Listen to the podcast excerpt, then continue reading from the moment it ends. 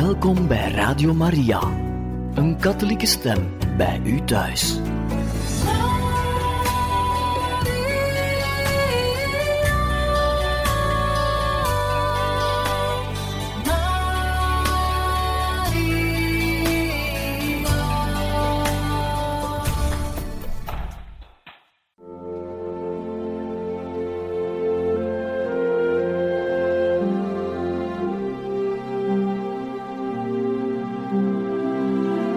Beste luisteraars van Radio Maria, welkom bij het programma Catechismus. Een overweging bij de geloofschat van de kerk.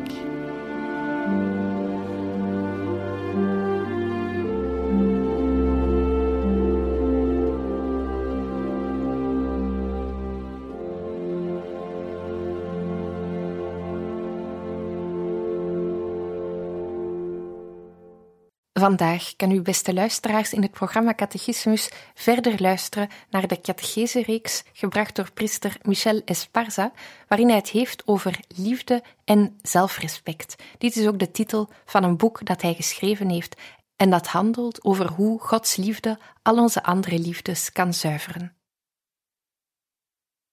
Beste luisteraars, hier opnieuw priester Michel Esparza om te spreken over het boek Liefde en Zelfrespect. Het is de vierde aflevering. Wij beginnen aan deel 2 dus. In, de, in het eerste deel, dus de vorige drie programma's, hadden we het over, uh, in, hoofd, in het eerste hoofdstuk, dus uh, hoe, uh, waar hoogmoed, trots vandaan komt en hoe het werkt. in de tweede de volgende aflevering, nummer drie, hadden we het over de ideale liefde en uh, wat dat juist inhoudt, hoe moeilijk dat, dat is en hoezeer een positieve houding naar onszelf, in de waarheid van wat we zijn, uh, de, de vervolmaking van al onze liefdesrelaties eh, met zich meebrengt. En in de laatste aflevering hadden we het over de ideale houding naar zichzelf. Uh, het vermijden van zelfbedrog, van lichtgeraaktheid, van een, een, positieve liefde ontwikkelen, zelfliefde.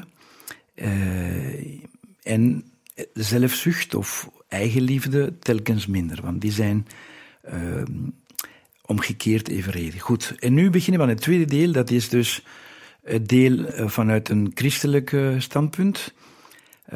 alles wat tot hiertoe gezegd is geweest, zou kunnen gevolgd worden door, door iemand die, die niet eens gelooft of zo. Terwijl nu gaan we peilen in de christelijke leer om te weten uh, wat wij kunnen doen om telkens een betere relatie met onszelf te kunnen ontwikkelen. Um, we zoeken dus in, we hebben hier drie hoofdstukken. Het eerste is uh, op zoek naar, naar die liefde die ons kan genezen. In de volgende aflevering zullen we een aantal manifestaties van die liefde van God uh, bekijken. En dan, uh, we zullen eindigen dan met een van die uitingen van liefde van God, die ons bijzonder geneest van binnen. En dat is een barmhartige liefde. Dus goed, nu gaan we aan de slag met, uh, ik heb het getiteld, ommekeer naar de liefde dus. We gaan zien dat het een lang proces is, dat veel te maken heeft met met onze ingesteldheid, met onze houding. Uh, dat dit probleem niet gemakkelijk opgelost wordt zonder zich confronterende vragen te stellen, onaangename vragen soms, uh, over onszelf. Hè. En um, ik, het is de bedoeling een, een, oplossing te vinden die afdoende is, maar mm, daardoor niet definitief, want als we realistisch zijn, dan weten wij dat onze neiging naar een verkeerde houding naar onszelf altijd in ons aanwezig blijft, dat het ego uh, als negatieve ingesteldheid uh, nooit verdwijnt. Uh, wel kan men dat op afstand houden. We zouden het kunnen vergelijken met, met de ziekte diabetes, suikerziekte. Dat is een ziekte die ongeneeslijk is, maar wel behandelbaar. We, zoiets is onze trots. Um, dan uh, een ander punt is dat, dat we nu echt naar de, naar de diepte van het probleem gaan. Dus de, waar komt het vandaan? Het is, het is de, zoals wanneer men op zoek gaat naar, een, naar waar een rivier juist uh, ontspringt, begint. Hè? Um, dus uh, wat moeten wij doen? Diep gaan. En wat is het eerste wat we zouden kunnen doen om op weg te zijn naar, naar een genezing van die, die uh, negatieve zelfbeeld en zo? Wel, het eerste wat we zouden moeten doen is het bekennen dat we daar problemen mee hebben. Dat we ook, like alle mensen, uh, trots zijn. Uh, ik lees van een boek van Louis, die Engelsman, die zegt: Mocht iemand graag nederig willen worden, dan denk ik wel te kunnen zeggen wat de eerste stap daartoe is. De eerste stap is het besef dat men hoogmoedig is. En dat is een behoorlijke grote stap. Althans, er is niets wat eraan vooraf gaat. Dus uh, eerst en vooral zeggen, ja, ik ben like iedereen, ik heb mijn problemen om een evenwicht te hebben in de relatie met mezelf. Um, dat ik niet te hoge dunk van mezelf heb, ook niet te laag. Maar juist, ik zoek een manier om mezelf te beminnen, net zoals ik ben.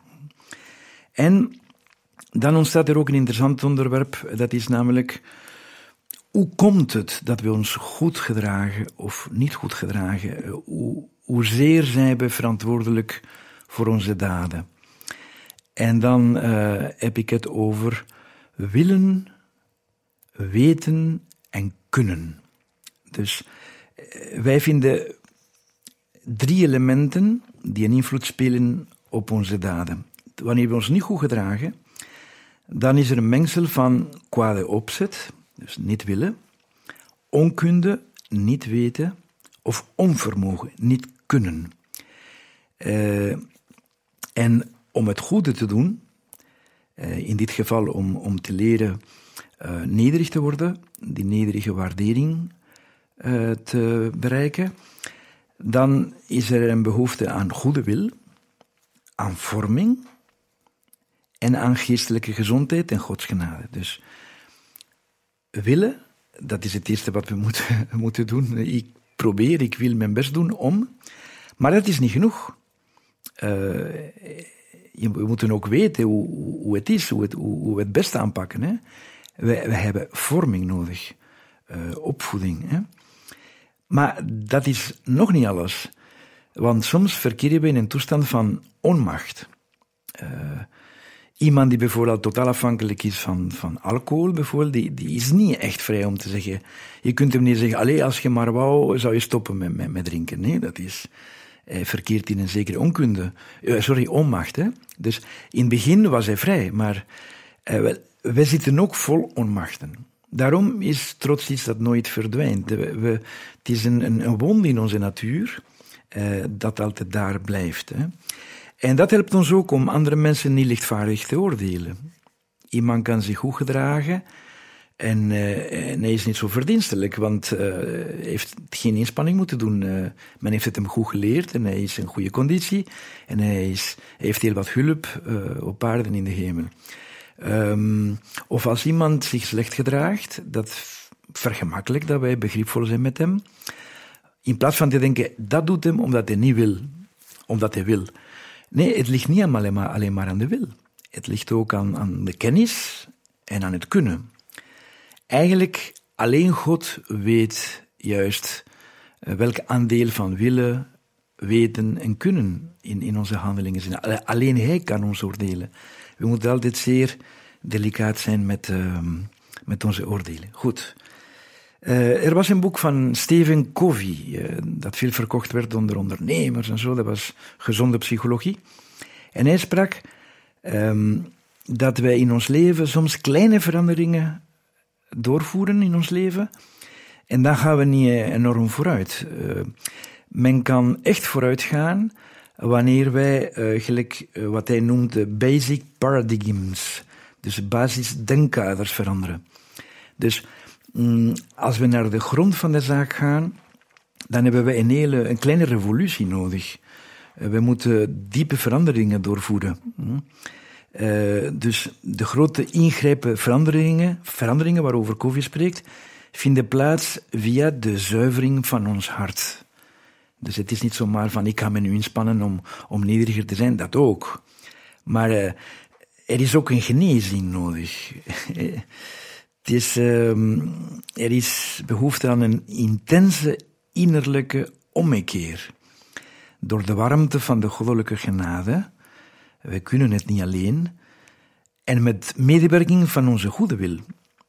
Uiteindelijk wordt ons hart het meest effectief gezuiverd doordat wij ons bewust zijn of worden van Gods liefde voor ons. Dus het is niet, eh, zoals ik in het begin zei, bij de inleiding, ik zei, dit is geen receptenmethode, uh, dit is naar de diepte gaan. En dat betekent een diepe verandering in ons, een verandering van ons hart. Door hart bedoel ik het, ons diepste. En zuivering daarvan. Ja, en het is niet gemakkelijk. Het is niet van ik neem een geneesmiddel en dat komt in orde. Hè. Dat is een hele verandering, meestal geleidelijk aan en soms vergemakkelijk door momenten van crisis. Momenten van crisis zijn, kunnen genadevolle momenten zijn, omdat we ons bepaalde vragen durven stellen die we anders niet zouden doen. Als een dierbare mens die zo belangrijk voor ons was, overlijdt, of doordat we een grote tegenslag meemaken in ons leven.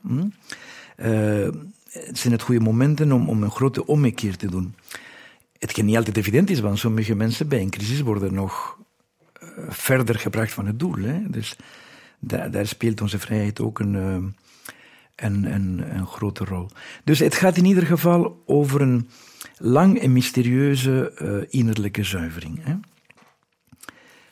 In de meeste gevallen um, kunnen de crisissen helpen, maar het zou ook kunnen gemaakt worden beetje bij beetje. Um, wanneer we inzien hoe essentieel Gods hulp voor de genezing van onze wonden is, kunnen we weer meer waardering opbrengen voor de aanbeveling van de kerk dat wij veelvuldig zouden moeten biechten. Het sacrament van de verzoening. Ook al hebben we geen doodzonde begaan. Het ontvangen van dit sacrament lijkt op het ondergaan van een bestralingskuur. Vroeg of laat zullen we de resultaten zichtbaar worden. Dus wij hebben hulp nodig van God. Wanneer we spreken over een bepaalde hulp van God, we spreken over genade, want betekent een gratis gegeven gave. Iets dat God in onze ziel bewerkstelligt. Dat, dat noemen we genade. Hm?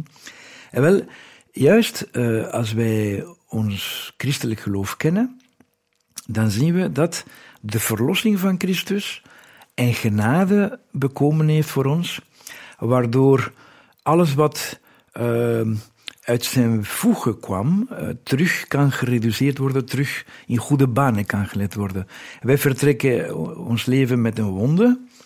Uh, daarna, gedurende ons leven, kunnen we meer of minder wonden hebben.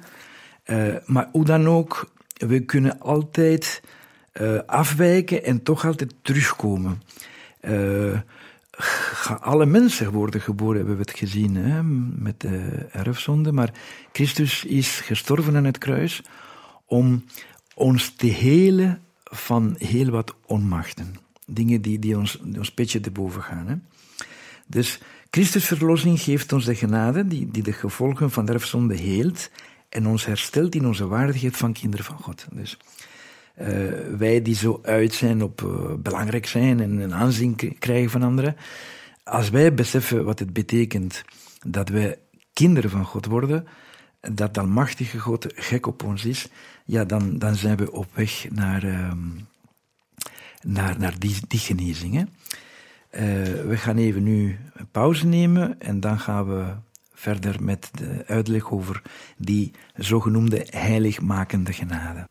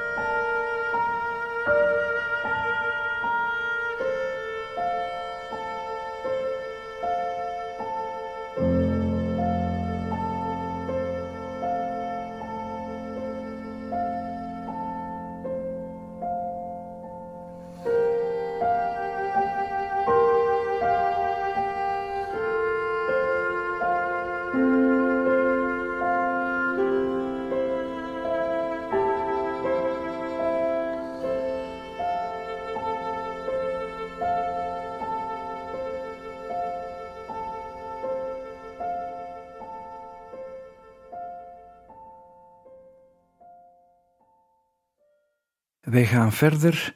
Evangelie betekent goed nieuws en blij nieuws. Namelijk, uh, wij komen te weten dat onze problemen, onze diepe problemen, een oplossing hebben.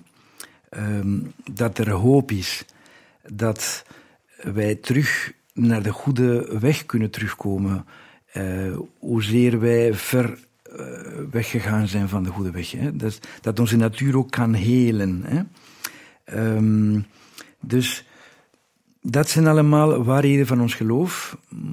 Moesten onder u mensen zijn die weinig geloof hebben, dan wil ik er ook aan herinneren dat alles wat wij geloven in ons christelijk geloof, um, ja, een grote garantie heeft. Hè. Het christendom is de enige godsdienst van de geschiedenis die beweert door God zelf uh, uh, gesticht te zijn geweest. Hè. Dus uh, ons geloof is zo waar als dat Jezus God is. En je wordt christen wanneer je gelooft dat Christus God is.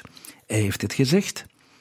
Je kunt erover nadenken en zeggen, ofwel is het waar wat hij zegt, ofwel is hij gek, ofwel heeft hij ons door rond de tuin geleid. Maar hoe, je, je denkt daarover na, dan zeg je wel, ik geloof hem, want kijk, eh, hij zocht niks voor zijn eigen, hij, was bemachtigd alle mirakels te doen dat hij wou. Dus ik vertrouw in hem. Ik schenk hem mijn vertrouwen.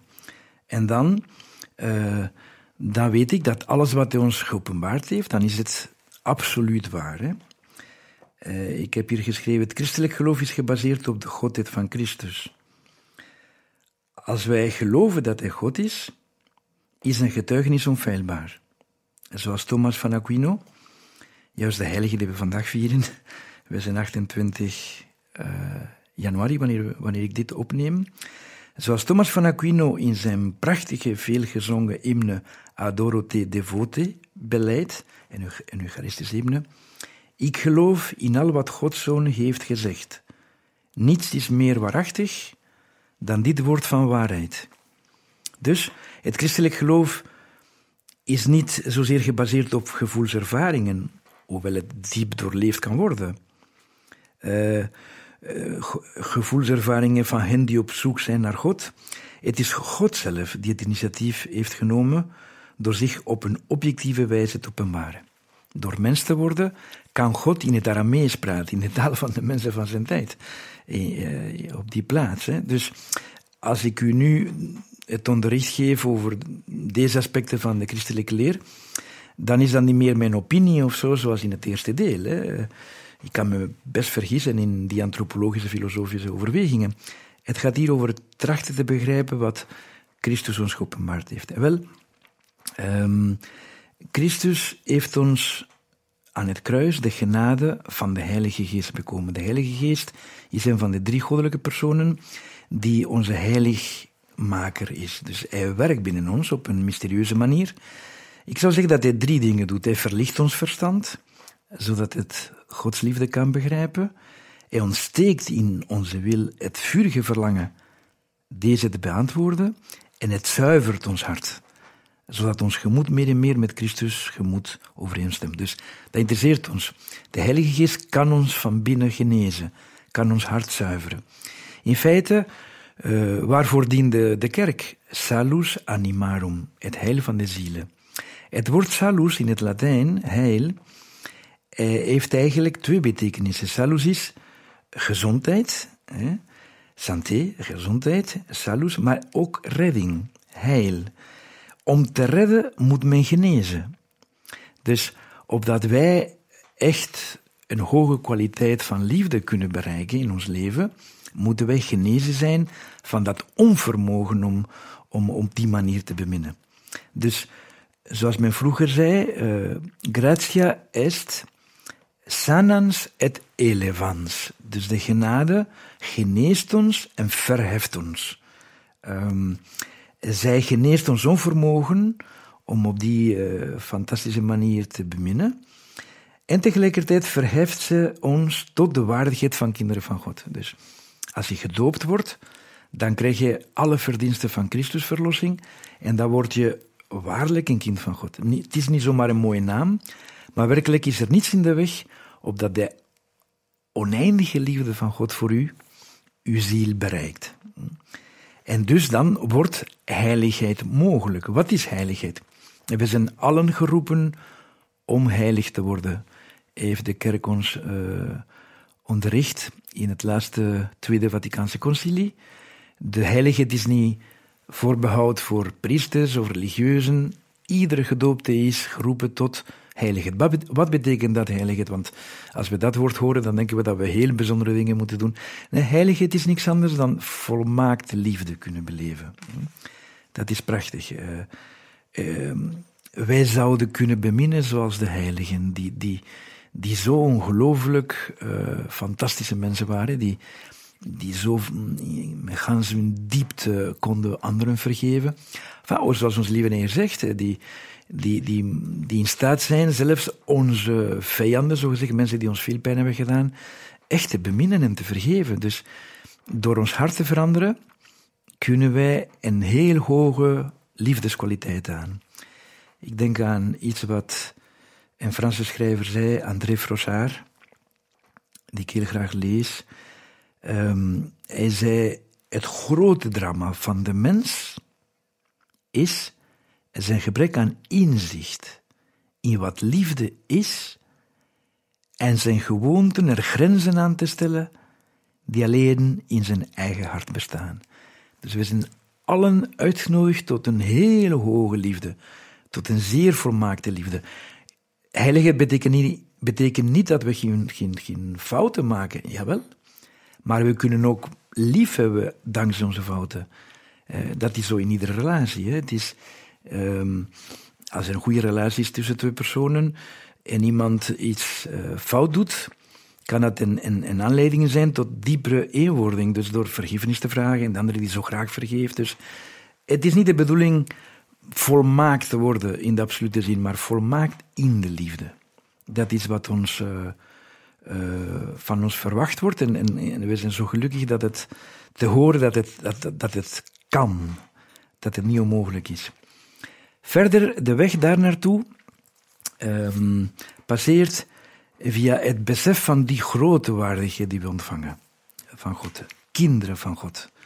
Um, het is te zeggen, we moeten proberen te leren onszelf minder te bekijken met de ogen van de anderen, onszelf minder te bekijken met onze eigen ogen vanuit het ego, maar onszelf bekijken met de ogen van God. Eh, onszelf te waarderen zoals God ons waardeert. Eh, ik ben een kind van God. Mijn papa is een grote baas, dit is een machtige God. En ik ben zijn zoon, zijn dochter. Um, en alles wat hij heeft is van mij. Ik ga alles erven. Dus net zoals iemand op aarde die de zoon zou zijn van een heel belangrijke iemand, uh, de persoon met de meeste macht in een bepaald land. Ik zeg, ik ben de zoon van die, hij zal daar trots op zijn. Hè? Wij zeggen, uh, ja, uh, mijn pa is God, dus ik voel me heel belangrijk. Hè? Dat is een ongelooflijke waardigheid. Dus ons zorgen maken om kleine prullen en om, om wat bepaalde onbegrip van bepaalde mensen, zou het zijn alsof ik ongelooflijk bezorgd zou zijn uh, om 20 euro verloren te hebben, daar waar ik multimiljardair ben. Dus uh, in, in, in waardigheid zijn we uh, multimiljonairs. Dus als we op een bepaald moment beseffen dat, dat we fouten maken, dat iemand ons minder begrijpt, proberen we niet te vergeten welke onze diepste waardigheid is. Kind van God. We maken nog een, een tweede pauze. En dan zullen we verder gaan met hoezeer die liefde van God alle andere liefdes in ons leven loutert, harmoniseert en veredelt.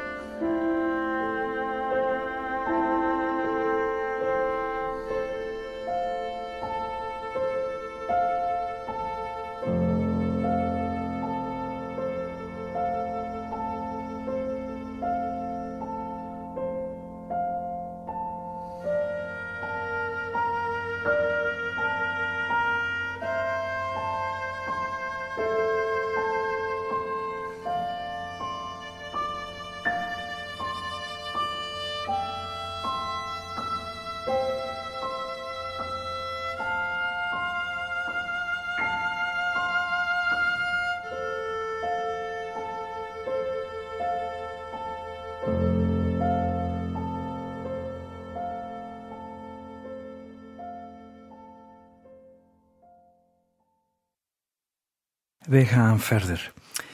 In een van de vorige afleveringen um, had ik het over die zin van de heilige Augustinus die zo bekend is. Je hebt ons gemaakt voor u, Heer, en onrustig is ons hart, totdat het rust vindt in u. Met andere woorden, enkel wanneer God de belangrijkste in ons leven is, enkel wanneer wij alles proberen te kijken hoe Hij het bekijkt, en Hij de bron, de voornaamste bron van onze waardigheid is en van onze uh, zelfliefde en zelfwaardering, dan, um, ja, dan, gaan al, dan gaan alle andere relaties beter. Uh, dus te zeggen, niemand kan ons beminnen zoals God ons bemint.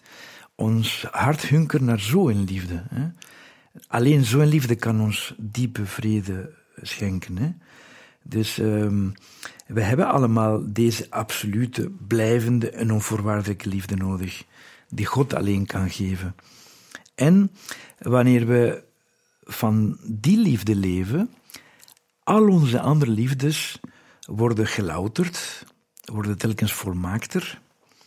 Uh, zij worden geharmoniseerd, alles krijgt een plaats, uh, en zekere prioriteiten ook. Wie is het belangrijkste? God daarna als je getrouwd bent, je, je, man, je vrouw, kinderen, uh, familie, vrienden, mijn werk, dan, dan kun je orde scheppen in alles, je harmoniseert alles en je veredelt ook de menselijke liefde, want, want de menselijke en de goddelijke liefde um, uh, verwijzen naar elkaar. Hè? Dus uh, eerst en vooral dus het loutert onze liefde. Dat betekent dat we tot een hoge liefdeskwaliteit kunnen komen.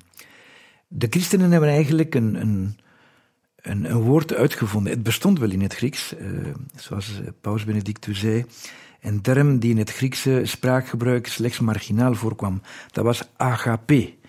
Um, de christenen hebben dat toegeëigend om te spreken over de, de liefde van hoogste kwaliteit. In het Latijn caritas. Dus een liefde uh, van de hoogste kwaliteit. De Grieken spraken over gevoelsmatige liefde, eros.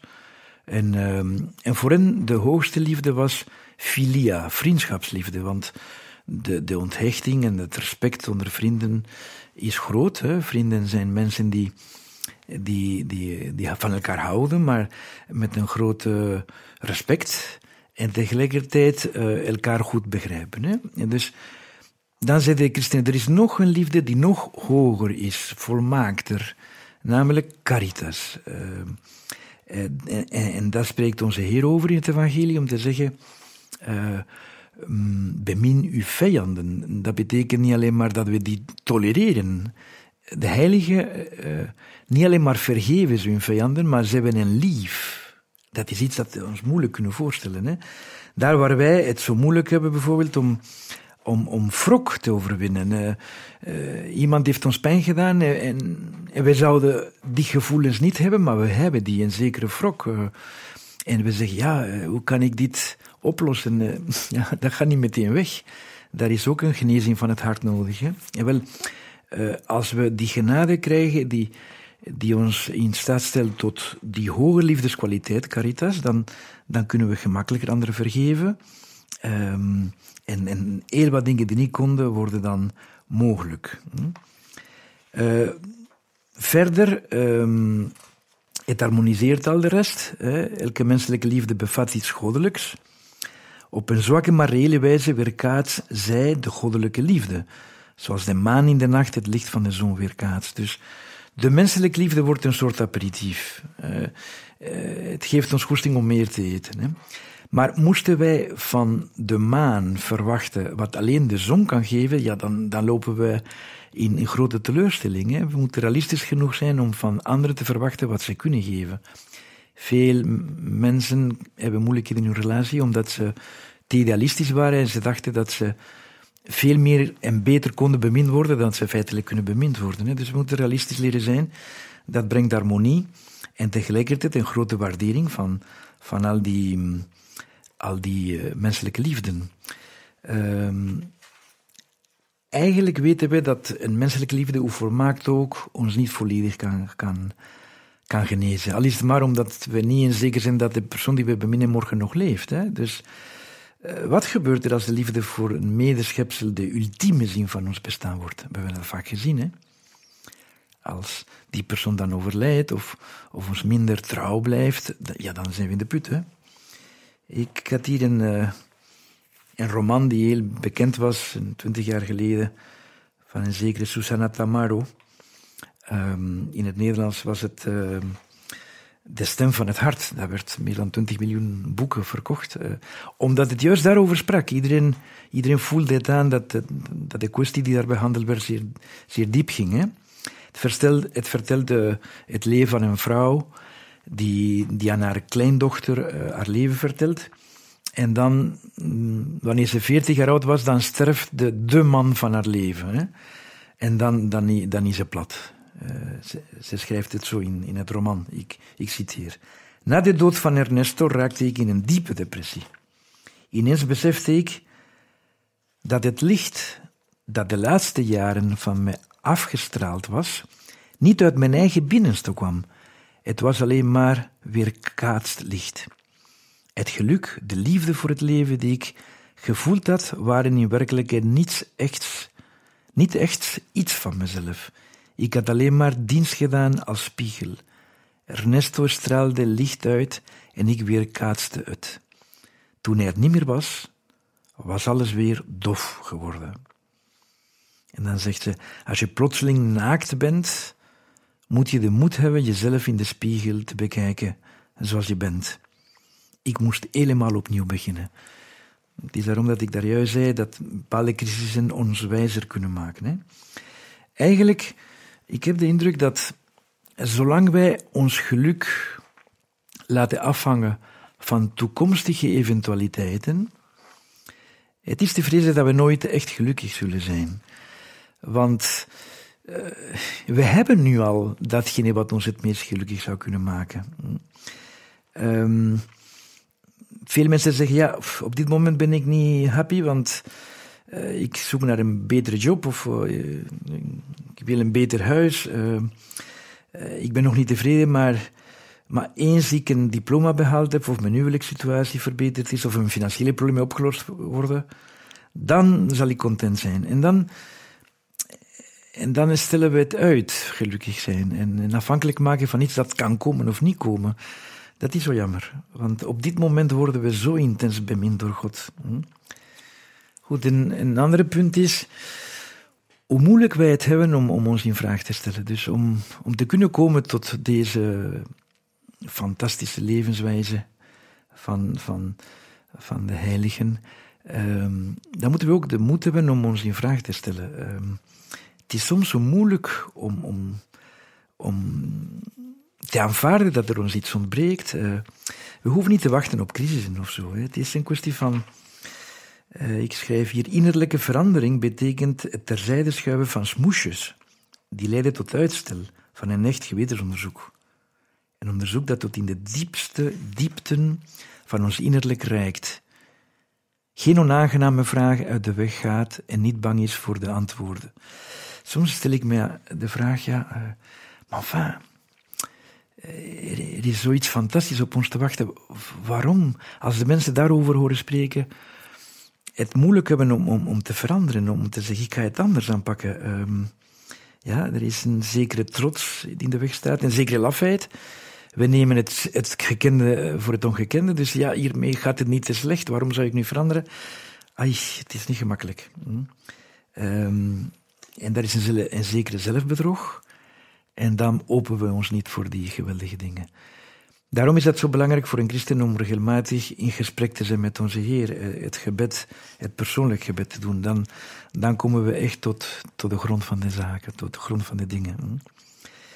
Verder um, gaan we nog ten laatste een beetje stilstaan bij ja, dat zelfs goede christenen die praktiseren en zo, um, vaak niet goed georiënteerd zijn. Uh, omwille van dat gebrek aan, aan zichzelf in vraag te stellen. Uh, als je denkt aan de parabel van de verloren zoon, een van de prachtigste stukken uit het evangelie, waarin gesproken wordt over hoe God is, hoe vergevensgezind, hoe, hoe gelukkig wij maken wanneer we terugkeren want dat vergeten we, dat verliezen we uit het oog. Is niet dat de Heer ons oké, ik ga u vergeven. Nee, nee, hij is ongelukkig. Is, sorry, hij is ongelukkig als we weg zijn. We, we, we kunnen hem oneindig doen lijden, want hij bemint oneindig. En we kunnen hem oneindig gelukkig maken wanneer we terugkeren. Dat probeert de Heer uit te drukken in die parabel. Maar ook gaat het over twee kinderen. De een die weggegaan is en de andere die, die thuis blijft. Misschien zijn we geroepen om eerst de verloren zoon te zijn die terugkeert, zo vaak, naar het thuis van de vader. Maar we zouden ons kunnen installeren in de oudere, zijn oudere broer. Zijn oudere broer die deed alles goed, zo gezegd. Maar hij beminde niet echt. Dus we moeten ook de, de oudere broers mentaliteit overstijgen. Niet formalistisch geloof ik, niet uit plicht, alleen uit plicht handelen, maar uit liefde. We zijn geroepen om te worden zoals de vader. Maar eh, misschien is de bekering van de oudere broer zelfs moeilijker dan de bekering van de verloren zoon. Hè? Want uh, je moet. Uh, hij doet alles goed. Hij kan zichzelf wijsmaken van. Ja, kijk, ik, ik doe al mijn plichten en zo. En toch is dat niet wat de vader wou. Hij beseft niet eh, dat, de, dat zijn vader hem zoveel bemint. Hij wil niet eens naar, naar het festijn gaan en zijn vader gaat hem achterna en zegt: Maar mijn zoon toch, al het mijn is van u. Heb je het nog niet door? Je bent voor mij zo belangrijk als ikzelf. Je bent mijn alles. Ik bemin iedere persoon apart zo, totaal. God kan niet half beminnen. Hij bemint met een oneindig vermogen. Als je dat besefte, werd je, werd je gek van liefde en van, van geluk. Dus uh, laten we daarmee eindigen. Het is zo belangrijk de, een wederzijdse relatie te, te ontwikkelen met onze Heer. Wederzijds. Dat betekent in de twee richtingen. Uh, we moeten weten dat dat God ab absoluut is, ongebonden. Hij had niet eens behoefte om de wereld te scheppen. Maar van zodra hij ons schept uit liefde, dan wordt hij de, de, de meest kwetsbare. Want hij bemint echt. Hij heeft behoefte aan ons geluk, die hij ons kan geven. Als we de deur sluiten, hij, hij respecteert onze vrijheid. En hij blijft buiten. En we kunnen een oneindige hart breken. En andersom, wanneer we ons laten beminnen door hem, wanneer wij attenties hebben naar hem om hem gelukkig te maken, dan maken we hem oneindig gelukkig. Telkens wij iets uit liefde voor God doen, geven we hem meer vreugde dan alle vreugde die de mensen elkaar hebben gegeven sinds het begin van de mensheid. Het is een oneindig wezen, die oneindig bemint. Dus Laten wij proberen zo'n wederzijdse relatie te ontwikkelen met hem. Niet alleen maar naar hem gaan omdat hij al onze problemen oplost. Ook aan hem denken. In feite, zoals we zullen zien in de volgende aflevering, wanneer Christus aan het kruis sterft, dan doet hij dat, dan doet hij dat niet, eerst en vooral niet om ons, ook om ons, maar eerst en vooral om zijn vader te troosten. Alleen Christus weet hoe zijn vader lijdt wanneer we zijn hart breken. Dus uh, ik eindig dus met een, met een zin van uh, Benedictus XVI, waarin hij het heeft over dat theologisch probleem. Hoe kan ik uitleggen dat God enerzijds niet kan lijden, uh, ondergaan, hm, en tegelijkertijd toch zo kwetsbaar is? Um, wel, hij neemt een, een zin van de heilige Bernardus, waarin hij zegt: Impassibilis est Deus, sed non incompassibilis. Wat betekent: God kan niet lijden, maar hij kan wel meelijden. Dus, en dan zegt Benedictus XVI: Het geloof heeft ons getoond dat God de waarheid en de liefde in persoon is. En voor ons en met ons wilde lijden. Dus hij die absoluut, absolvere, absolutum, ongebonden. Hij die de, de opperste volheid, volheid is, opperste volmaaktheid. Uh, zodra hij ons uit liefde schept, wordt de kwetsbaarste. Laten we dat niet vergeten. Niemand kunnen we zoveel verdriet als vreugde uh, bezorgen dan, dan onze God. zo diep gaat het. Um, dus wij besluiten daarmee voor in de volgende aflevering zullen wij kijken naar die concrete uitingen van die liefde voor ons, die ons onze waardigheid gemakkelijker doen inzien. Hè? tot volgende keer. Ik blijf voor u allen bidden. Dag.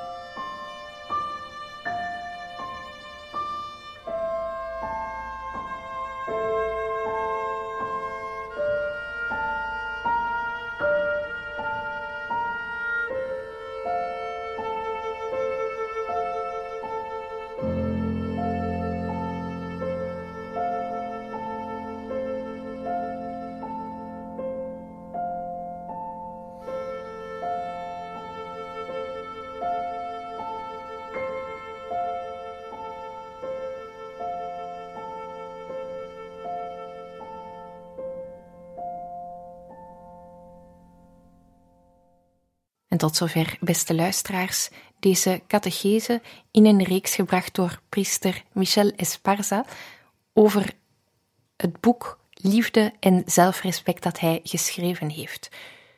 Radio Maria wenst u nog een mooie dag toe.